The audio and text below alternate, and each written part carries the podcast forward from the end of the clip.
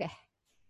Oke, assalamualaikum semuanya. Selamat siang. Jadi hari ini uh, kita mau ngobrol-ngobrol lagi ya, Bu Ella ya. Nah, sekarang itu kita mau membahas... Belum ganti baju. Nggak ganti baju sama yang tadi. Jadi uh, kita nih selama ini sering ngobrol gitu berdua gitu, cerita-cerita.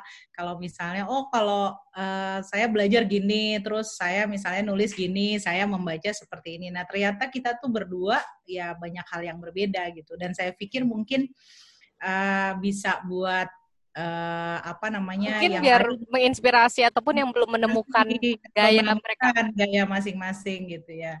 Jadi mungkin Bu Ella silahkan duluan dulu. Um, apa ya? Saya gaya belajar saya gimana ya? Saya sih lebih cenderung waktu dulu waktu waktu waktu. Oh waktu dulu. Oke. Okay. yang paling efektif rasanya. Waktu sih memang nggak spesifik tapi saya butuh waktu yang ketika itu tenang. Saya butuh hmm. bukan waktu tapi lebih kondisi bu Dengerin musik nggak? Enggak, nggak bisa. Itu sangat, bisa. bahkan murotal pun nggak bisa. Setannya kena semua ya. sendiri sendiri. Gak usah. Emang bahkan waktu itu benar-benar kayak tenang gitu. Saya butuh banget yang kayak gitu. -gitu. Jadi suka yang kalau ada berisik ataupun apa. Nah, memang sebenarnya kalau cari kondisi yang kayak gitu kan memang yeah. kayak subuh gitu ya memang itu sepi sih uh. atau malam ya kadang gitu jadi memang uh, apa namanya saya lebih cenderung ya mencari yang kondisi sepi jadi saya daya serap saya ataupun fokus saya tuh bisa bagus banget kayak gitu. Mm-hmm. Jadi lebih kalau segi waktu saya nggak ada spesifik, tapi saya butuh kondisi yang itu sepi dan bisa buat saya fokus karena kalau berisik gitu-gitu saya nggak bisa susah itu bu susah banget. Bella nggak biasa baca buku di mobil. Nah itu tuh nggak nggak gitu ya. biasa. Ya. Uh, uh, bisa biasa. jadi orang luar negeri nanti. Aduh. Karena kita masuk mobil, semuanya baca di mobil itu. Nah, nah kalau kayak gitu kan semuanya orang diem kan, masih bisa yeah. masih bisa asal orang nggak berisik gitu. Kata-kata orang tuh, ya, jadi kayak mungkin kayaknya sih saya berpikir, terus sejauh ini saya berpikir saya orangnya lebih auditori bu. Karena hmm. misal kayak kayak saya lebih kayak misal kayak waktu itu saya pretest bu, uh, apa hmm. kalau praktikum kan kita pretest kan saya tuh cukup duduk di samping teman saya yang lagi ngafalin oh prinsip kerja ini adalah gitu nah, itu saya ingat jadi saya cukup kayak gitu jadi lebih kuat misalnya kok ngapal ngapalin apa pun jadi saya harus mendengarkan dulu nah saya bisa inget nada gitu tapi nggak inget se, se ke itu apa namanya teksnya iya ya. bisa kayak gitu nah kalau ibu ya. tuh gimana tuh jadi Wah, abis kalau, waktu nih kayak Iya, kalau saya memang dari SMP ya, uh, mulainya tuh jam 3 pagi. Uh, Masya Allah, biasa. Belajar gitu ya, jadi ceritanya sih uh, apa namanya nggak tahu ya kenapa. Emang kan bapak ibu saya kebetulan guru agama jadi masalah sholat tahajud dan sebagainya. Kalau sholat tahajud dan sebagainya itu udah jadi kayak rutin yang di keluarga kita. Jadi apa namanya bangun jam segitu ya biasa saja. Terus akhirnya terbiasa belajar karena mereka berdua guru ya. Jadi belajarlah apa semuanya memang uh, sudah dididik dari kecil. Tapi sampai sekarang akhirnya jam 3 pagi efektif. Jadi nggak bisa tuh begadang begadang bisa sakit gitu. Maksudnya hmm, misalnya kita ya. tidur yeah. ngerjain tugas sampai jam 12 gitu ah itu saya nggak bisa. Jadi saya lebih baik tidur jam 9 terus istirahat jam 3 bangun pagi. bangun lebih awal. Nah bangun lebih awal. Nah itu bisa nulis jurnal bisa baca buku bisa apa. Nah kembali kayak cerita Bu Ella tadi tapi saya itu bisa kalau rame gitu. Uh. jadi saya itu bisa sambil dengerin musik ya dengerin uh, apa aja tuh saya fokusnya bisa tidak terganggu ya Ya, fokus saya nggak keganggu. Cuma kalau ditanya mana paling efektif, itu paling efektif. Terus tadi kalau Bu Ella cerita audio ya, jadi saya itu paling bisa belajar kalau nulis. Jadi misalnya saya saya kan bacanya cepet. Jadi kalau misalnya saya bisa baca, oh dapat idenya apa, terus bikin konsep map, bla bla bla, saya ngegambar, ngegambar itu saya langsung ingat. Jadi artinya adalah ya itu belajar efektif buat saya dan ya yang sama-sama kita pelajari ya Bu Ella rasanya setiap kita kan punya cara efektif masing-masing ya. Jadi ya. saya pikir harus tahu nih kira-kira kalau saya efektifnya kapan ah. dan kapan dan bagaimana ya. Ya benar-benar. Kayak saya karena saya mengidentifikasi diri saya audio, Bu. Jadi saya cocok tuh misal pagi-pagi gitu. Saya dengerin kayak TED apa Bu TEDx gitu ya. ya. Itu pakai podcast gitu. Nah, sambil saya nyetrika itu bisa masuk, Bu. Oh. Jadi dengerin apa baru-baru misalnya uh, apa news ataupun apa dan segala bahkan itu belajar ya tentang sains dia ngomonginnya sains saya bisa masuk. Jadi podcast itu sangat bermanfaat untuk orang-orang yang audio kayak saya ada mahasiswa beberapa juga ada yang bilang bu saya juga sama tuh bu saya bisa dengerin podcast tuh bu lebih masuk katanya gitu. Nah Hmm, iya, Ada. jadi kalau buat saya boring banget sih podcast itu. Tidak Iya. ada gambar, tidak Suara ada doang ya. dan sebagainya gitu. Dan ternyata saya juga salah menjustifikasi kayaknya bikin PowerPoint yang menarik dengan banyak gambar itu, ih menarik gitu. Padahal buat orang-orang tertentu, ih bosen banget sih ngelihat gambar. Iya iya benar-benar. Jadi ya, jadi artinya saya pikir apa namanya malah saya ngelihat ya misalnya Bu Ella gitu ya bisa ngedenger langsung kan, ya Allah kok bisa ya gitu karena buat saya itu dunia abstrak banget itu ngedenger gitu kan. Iya benar. Jadi karena buat saya mendengar itu kayak Oh dulu kan radio ya kan bu podcast itu kan Ya. dari radio kan berseries. Heeh. Jadi saya itu kalau kayaknya ngelihat orang yang cepat mengingat dengan mendengar gitu ya, buat saya itu kan vis nggak kelihatan ya. Tahu ya suara itu kan nggak kelihatan. Kok bisa nangkep sih kalau kalau saya tuh harus ini mana ya tulisannya, terus ini mana ya gambarnya baru bisa masuk gitu. Ya berarti lebih ke visual ya. Tapi kalau belajar organik gitu ya, dulu kan kalau buzu ya, bahas organik? Iya organik terus nih karena itu adalah the most difficult subject buat saya gitu ya. Nah itu tuh saya harus bener-bener gambar strukturnya, Oh, iya. reaksinya. Oh kalau cuma ngafalin reaksi SN1, S1 udah nggak bisa masuk itu. Ya kalau itu beda lah, kayak karakteristiknya beda kayaknya nggak bisa juga.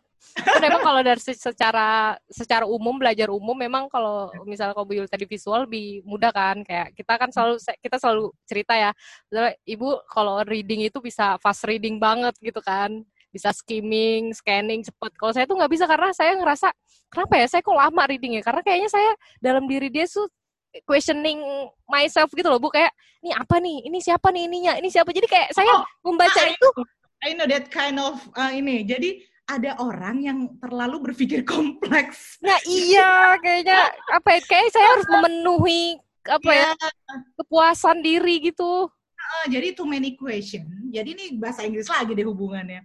Jadi kita kan selalu berpikir karena kita biasa mikir ini reading susah, terus pasti nggak bisa dijawab dengan sekali reading gitu iya ya. iya iya iya kan? Jadi- Akhirnya pas uh, uh, pas Mindset. membaca reading, oh kayaknya ini mana nih? Mau ketemu di mana nih? Ketemu iya di iya mana? iya iya Ternyata pikiran complicated itu membuat malah kita nggak ketemu sebenarnya jawabannya gitu.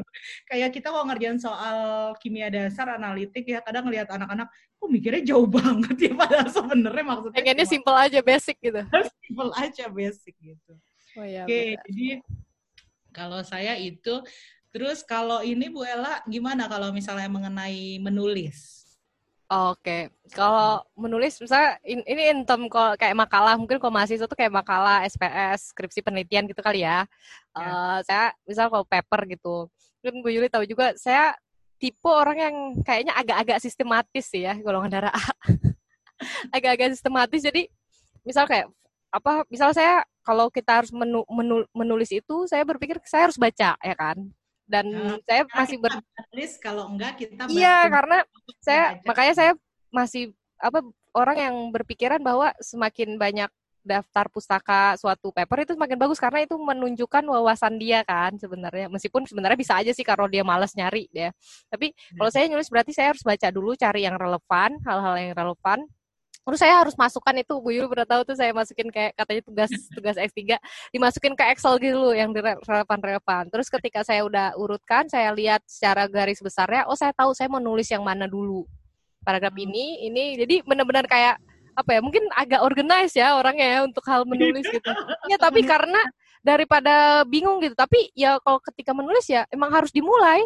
Memang ketika menulis itu oh dia berantakan semacam semacam apa tapi memang harus plan di awal tuh kita harus lihat kalau menurut saya oh ya ini saya mau ngomong ini dulu ini jadi plan awal tuh memang ada walaupun jelek di tengah-tengah ataupun gimana kan tinggal dikasih di smooth dibuat smooth ya gitu nah kalau Billy tuh gimana nulisnya Nah, yang tadi ide nulis aja dulu, saya suka tuh. Jadi maksudnya memang kita ternyata menulis, nulis aja dulu gitu. Karena Nah, tinggal bisa juga cari ya gitu atau gimana ada ide lain saya orangnya kan perfeksionis banget kalau dalam hal itu ya. Jadi gini, kan nggak baru nulis satu kalimat, eh jelek nih kalimatnya hapus lagi. nulis jelek nih kalimatnya. Akhirnya tuh pernah berjadi, ya oh nggak nulis-nulis ya gitu. Nah akhirnya setelah berkali-kali belajar begitu, akhirnya saya paham nggak bisa tuh saya kayak gitu gitu. Perfeksionis tuh nggak bisa dibawa ketika menulis gitu. Nah akhirnya yang bisa dilakukan adalah nulis aja dulu, kemudian baru kita lihat uh, apa namanya memperhalus ya tadi belakangan oke. Okay. Nah kalau Bu Ella kerapihan memang pakai Excel segala ya. nah saya nggak tahu ya buat pemula dulu ketika saya belajar menulis. Itu saya pemula sih karena saya ngerasanya saya nggak bisa nih kalau nggak ini. Jadi kayak banyak hal-hal yang nggak boleh dilanggar dalam diri saya gitu loh bu. kayak ada kamu harus melewati step ini iya gitu. Prosedural Iya benar, iya benar lebih prosedural benar. Tapi saya yeah. tidak memaksakan uh, orang lain untuk seperti saya gitu. Yeah. Setidaknya saya saya oh kalau saya saya harus kayak gini dulu supaya ini dan itu saya puas bu. Bahagia. Saya bahagia dengan lakukan itu. yang udah dicek buat Excel. Buat Excel. Ya benar. Jadi kalau saya bisa kelamaan tuh ya kayaknya. Ya, bilang bagus banget bisa kayak gitu. Karena emang sebenarnya saya meminta mahasiswa saya harus begitu dulu karena kan biar mereka kenapa harus meminta begitu tadi yang keywordnya anda tidak bisa menulis kalau Anda nggak baca gitu kan. Jadi maksudnya mau nulis apaan orang kita nggak punya pengetahuan apa-apa gitu. Pasti akan terasa kalau nggak punya pengetahuan itu nulis balik lagi ke situ, balik iya, benar-benar kayak nah, in the loop. Punya pengetahuan tentang isu itu gitu. Jadi nah kalau saya caranya adalah memang sih biasanya idenya ditulis per poin tuh saya biasanya. Oh. Saya pendahuluan introduction uh, ini masalah data apa butuh nitek apa butuh apa butuh terus ngomong dulu berdasarkan apa yang saya tahu gitu oh. tapi itu kan setelah misalnya saya udah baca banyak sebenarnya gitu kan mm -hmm. ya kalau saya nggak baca juga saya nggak tahu oh saya pernah baca data ini oh saya pernah iya. itu ini, kalau nggak gitu. wawasannya luas juga pusing juga udah langsung tulis gitu pertama nah akhirnya yang saya bisa lakukan dulu pertama kali belajar nulis misalnya mau nulis jurnal jurnal targetnya itu saya baca tuh pola dia nulis uh, makanya saya senangnya selalu bilang ke mahasiswa tolong ya cari jurnal bagus bukan apa-apa supaya kita belajar. Gimana tuh seorang autor yang baik gitu ya penulis yang dia mempresentasikan pendahuluan kok bisa sejelas itu ya, kok metode bisa sedetail itu ya gitu. Karena itu adalah proses belajar, bukan berarti plagiat ya, tapi dari situ kita bisa melihat bagaimana dia mengkonstruksi. Jadi buat saya untuk menulis ya, ada idenya, ada waktunya, itu the best gitu. Kadang ada ide nggak ada waktu, ada waktu nggak ada ide gitu ya. Jadi uh, kalau kita bilangnya ahad time lah ya, ahad time ya, ada waktu, ada ide, kemudian sisanya yang lain ya pointer itu sangat penting kalau enggak yeah, kita yeah. bakal ke mana-mana ya. Yeah, getting Jadi, lost. Getting lost. Terus yang lain adalah kualitas reference ya. Saya pikir itu juga harus kita perhatikan ya. Audiens kita mau ke mana. Kemudian karena tadi yang Bu Ella bilang reference itu menunjukkan kapabilitas seseorang ya dalam tanda kutip ya memang seperti itu. Jadi orang bisa melihat ini orang ngomongin konstruktivisme misalnya atau miskonsepsi gitu ya. Uh, namanya yang kita juga nggak tahu nih dia siapa sebenarnya gitu. Jadi artinya kita bisa tahu juga kedalaman itu gitu. Nah kalau kalau reading tadi ya kalau baca buku karena saya hobi baca buku jadi ya sekarang sih udah ada uh, e-book yang bisa kita buka ya. Cuma sekarang ternyata semakin tambah usia, dulu rasanya e-book tuh, oh aduh exciting banget gitu ya buka e-book. Sekarang, sekarang ada nggak ya yang buku hard? dulu pertama kali itu buku hard kan oh saya paling rajin tuh saya stabiloin saya tandain post it ya karena kan kalau kuliah itu waktu kuliah S3 kadang dosennya kritik bab sekian tuh langsung kita harus buka gitu apalagi kalau kuliahnya Reka itu instrumen apa langsung kita tuh harus ada note sampingnya gitu Uh, tapi sekarang uh, terus ada ebook excited, wah ada ebook segala macam. Eh ternyata makin ke sini capek banget matanya baca ebook gitu ya. Ternyata kembali lagi ke hard copy untuk ya menandai highlight. Ya, ngomong-ngomong umur kan ya, ibu kan emang lebih senior ya, emang harus tidak diragukan lagi. Diragukan lagi. Ya itu mungkin buat yang lain juga kalau baca ebook di laptop ataupun itu tipsnya ya. lagi menurunkan brightness-nya ya Ya. Kalau bisa jangan di tempat bisa, ya? gelap. Ya? Mm kalau bisa jangan di tempat gelap karena mempengaruhi juga nanti apa mungkin nanti tidurnya lagi jadi susah ataupun apa ya. Terus kan cahaya ini, ah? Kalau kita baca bukan semakin bisa tidur ya kalau kalau handphone atau laptop ya. Malah Kenapa, semakin misalnya kita harusnya waktunya tidur. Heeh. Kita semakin pas buka laptop itu bukannya jadi ngantuk. Oh, oh iya, karena jadi ya blue light-nya itu bisa tahan sampai pagi, Bu. iya Nonton gitu. nonton. heeh. Eh, eh, bahaya. Eh, memang Terus emang posisi itu lo juga gue lama saya sejajar atau apa ya? Oh iya benar. Ya saya pernah lihat tuh kayak apa namanya yang si sa- salah apa ya buat bahkan kalau kita punya desk meja kerja katanya kalau bisa kalau bisa ya se- sejajar ya Bu. Apa namanya layar layar kita ini harusnya saya naikin nih. Jadi Iya. ininya semata gitu. Dia, dia menyarankan beli apa Bu buat supaya ketinggian layar ya dinaikin naik. atau pakai buku atau apa ya. Kan kadang eh, kita kalau mungkin kalau mahasiswa belum terasa ya, maksudnya eh, sambil tiduran buka Iya. laptop, tengkurap. Saya tuh sampai pernah harus ke dokter karena sesak akhirnya. Maksudnya karena sambil tiduran itu kan dia diteken ini gitu dan itu ternyata kata dokter salah satunya karena baca sambil tiduran, belajar sambil tiduran apa. Oh, iya. Kan Bagus ya. Iya. Terus Karena me- ada lagi Bu Ella, satu Iya. lagi saya mau menyampaikan ini mungkin ya. Kalau Betul. saya sih, saya itu tipe orang yang butuh support ya. Jadi eh, Oh, saya iya. itu eh, eh, kalau belajar itu misalnya gini, waktu saya S2, eh waktu saya S1, saya kan eh, terus kebetulan jadi dosennya waktu itu S1.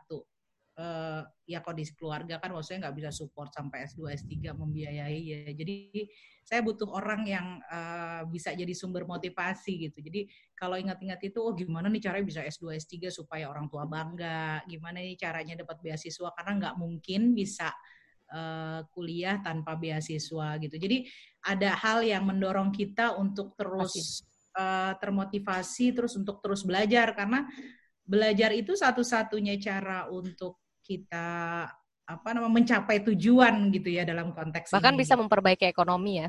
Iya, ternyata dulu sih kayaknya rasanya les privat waktu S1, wah udah cukup lah hidup dengan les privat gitu ya. Tapi ya alhamdulillah, maksudnya ternyata ya kita yang harus menentukan gitu. Kita nggak bisa terus-menerus kuliah nggak selesai, terus kerja aja. Karena dulu dari tingkat satu saya udah kerja gitu. Jadi nggak bisa tuh ternyata kerja terus, kuliah juga nggak selesai. Pas S2 juga saya sempat kerja, bahkan sampai S3 sama masih kerja gitu. Artinya eh ya tujuan utamanya bukan kerja loh, tujuan utamanya ya tadi cita-cita. Nah, kembali ke support system tadi, selain ada orang yang memang dia menginspirasi kita, dia adalah sumber motivasi, misalnya orang tua. Kalau saya misalnya suami, anak-anak, karena mereka berkorban untuk nemenin kuliah ya, jadi harus cepat selesai gitu. Nah, satu lagi ada orang yang positive thinking sama orang lain gitu. Saya pikir itu sangat bagus ya. Jadi misalnya saya kayak cerita ke Bu Ella tadi bercanda-bercanda, eh aku submit loh ke jurnal Q1 gitu ya. Buat saya itu eh, bicara seperti itu sama Bu Ella itu adalah karena saya tahu Bu Ella tahu perjuangan saya supaya bisa submit itu aja luar biasa gitu. Bisa dapat major revision itu udah prestasi karena biasanya ditolak gitu maksudnya. Nggak berpikir itu obat lo, nggak Eh, gitu biasa apa aja. namanya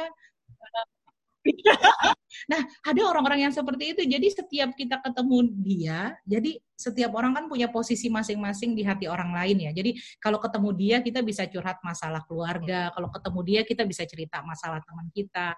Kalau ketemu dia kita bisa cerita masalah profesional prestasi Mungkin mahasiswa dan sebagainya. agak- jadi nggak sampai gitu belum ya? Maksudnya mungkin ya Ya. nggak sampai kayak gitu. Karena mungkin karena kan katanya ada yang tahu semakin kita berumurnya semakin tinggi orang-orang apa pertemanan itu lingkarannya semakin mengecil katanya gitu kan Nah, jadi nanti eh, akan terasa bah- bahwa yaitu kalau saya belajarnya adalah kita harus punya saringan. Kalau Bu Susi bilang kemarin kita punya lingkaran, ya lingkaran misalnya lingkaran paling dekat keluarga dekat kita gitu. Lingkaran selanjutnya adalah sahabat, terus teman. Teman itu mungkin berarti teman kerja kita. Mana yang memang dia dia itu cuma teman kerja gitu dia bukan teman kita curhat semuanya ke dia gitu. Jadi ada juga teman yang uh, dia bukan teman kerja kita, tapi dialah teman yang kita bisa untuk bisa sharing dan sebagainya. Dan saya pikir uh, kita harus sadar support system itu ya, karena ketika belajar, ketika ingin mencapai sesuatu, orang-orang itu luar biasa peranannya ketika kita jenuh, lelah, dan sebagainya gitu. Ketika nggak termotivasi, ngeliat, ayo yuk kita sama-sama yuk bikin ini. Oh iya bener, bikin yuk, bikin yuk gitu. Jadi exciting juga. Gimana Bu Ella? Iya, sama sih. Alhamdulillahnya kita punya orang-orang itu ya, Bu. Maksudnya yang ya maksudnya untuk hal ini ketika saya butuh sesuatu untuk bertanya hal tertentu misalnya gitu ya, entah tentang A, tentang B, tentang keluarga, tentang pekerjaan gitu. Kita punya orang-orang yang uh, meskipun kadang mungkin kita tahu dia responnya akan seperti apa, tapi kita uh, apa ya just ask him or her anyway gitu. Maksudnya bener-bener ya udah tanya aja gitu memang bener-bener pengen tahu dia tuh apa sih responnya gitu. Atau pengen ya kadang sekedar cuman pengen didengerin kan butuh itu aja gitu. Dan maksudnya dan itu apa namanya membantu kita sekali dalam apa dalam hal mungkin kalau kita bahas yang tema kemarin tuh kewarasan kita gitu. Ya. itu sangat apa ya membantu keberlangsungan apa ya tadi kalau kita bahas tentang belajar ke apa ya keberlangsungan supaya semangat belajar kita terus apa ya bu keep up gitu maksudnya benar-benar ya kan hmm. iya karena memang nggak bisa kita bukan orang yang idealis ya yang terus menerus idealis dalam arti bisa sendiri semangat, ya bisa terus. sendiri semangat nggak mungkin jadi ada kalanya kita memang jatuh kita drop jadi ada kalanya memang berhenti sejenak untuk berlari, bukan iya. berhenti sejenak terus berhenti selamanya gitu. Jadi dan kadang nggak bisa bangkit dengan diri sendiri, harus ada orang lain yang harus kita ya itu ya harus kita andalkan dalam tanda kutip ya. Jadi maksudnya jadi orang-orang sekeliling kita yang baik itu adalah uh, artinya ketika dia melihat kita drop dia pasti adalah orang-orang yang support kita gitu. Nah, itu akan terlihat ketika kita dalam kondisi ya drop tadi ya. Orang-orang yang emang oh ternyata orang itu memang bisa kita andalkan. Oh ternyata memang kita bisa tahu bagaimana maksudnya ya tadi ya dia memang positive thinking, dia tulus, memang dia sama kita, ya itulah relationship yang udah dibangun gitu. Jadi saya pikir itu hal yang ya termasuk rizki lah ya, termasuk ya, banget uh, itu. Ya, uh, yang Allah berikan lah gitu. Hmm. Ada lagi Bu Ella, nah oh. yang terakhir memang harus give up ya. Jadi kalau uh, apa yang Anda alami itu susah-susahnya itu, aduh ya Allah banyak sekali yang uh, kesulitan ya kalau saya ibaratnya dulu kuliah S2 melahirkan satu anak, S3 melahirkan satu anak, dua-duanya sesar gitu ya. Kuliah sambil perut besar, laptop pada di atas perut tuh udah pernah gitu ya. Terus anak sakit bawa ke kelas udah pernah. Jadi uh, artinya ya setiap orang punya perjuangannya masing-masing. Ya, Dikasihnya itu ya memang karena sanggup berjuang, kalau enggak juga pasti nggak bisa gitu. Jadi, Dan itu jadi cerita ya jadi cerita, jadi diinget-inget juga tuh bawa-bawa bayi ke kelas gitu ya. Jadi uh, saya pikir ya harus tetap uh, itulah senantiasa bersyukur, terus harus ya. tetap termotivasi untuk terus bergerak gitu. Ya hidup cuma sebentar, jadi kalau kita nggak buat yang terbaik untuk diri kita, terus sama orang lain, ya at least ketika nanti kita nggak ada gitu ya orang mengenang kita bukan dia mah gampang banget nyerah gitu ya atau ya. dia dia orang yang suka memberi ya kepada orang lain oh dia tuh orang yang amanah at least orang mengingat kita adalah hal-hal yang memang itu karakteristik kita bukan ingin dilihat orang tapi maksudnya kalau udah jadi karakter tuh orang pasti ngomongnya tuh hal yang kurang lebih sama mengenai hal itu ya. karena memang itulah kita kita bukan orang lain gitu oke okay. gimana Bu Ella ada lagi Cukup. Cukup. Ya, uh, itu saja ya. Alhamdulillah. Uh, jadi kali ini kami ada dua hal yang bisa didiskusikan ya. Dan sebenarnya uh, apa namanya sharing dan kita pikir juga untuk kondisi saat ini mudah-mudahan bisa memotivasi khususnya mahasiswa ya uh, tetap semangat gitu. Mudah-mudahan kita bisa melalui semuanya dengan baik gitu tanpa stres dalam tanda kutip mental sekaligus juga sehat dalam uh, arti fisik gitu ya sampai kita bertemu lagi secara fisik gitu ya di kampus di tempat kerja di mana pun uh, setelah masa ini berlalu gitu.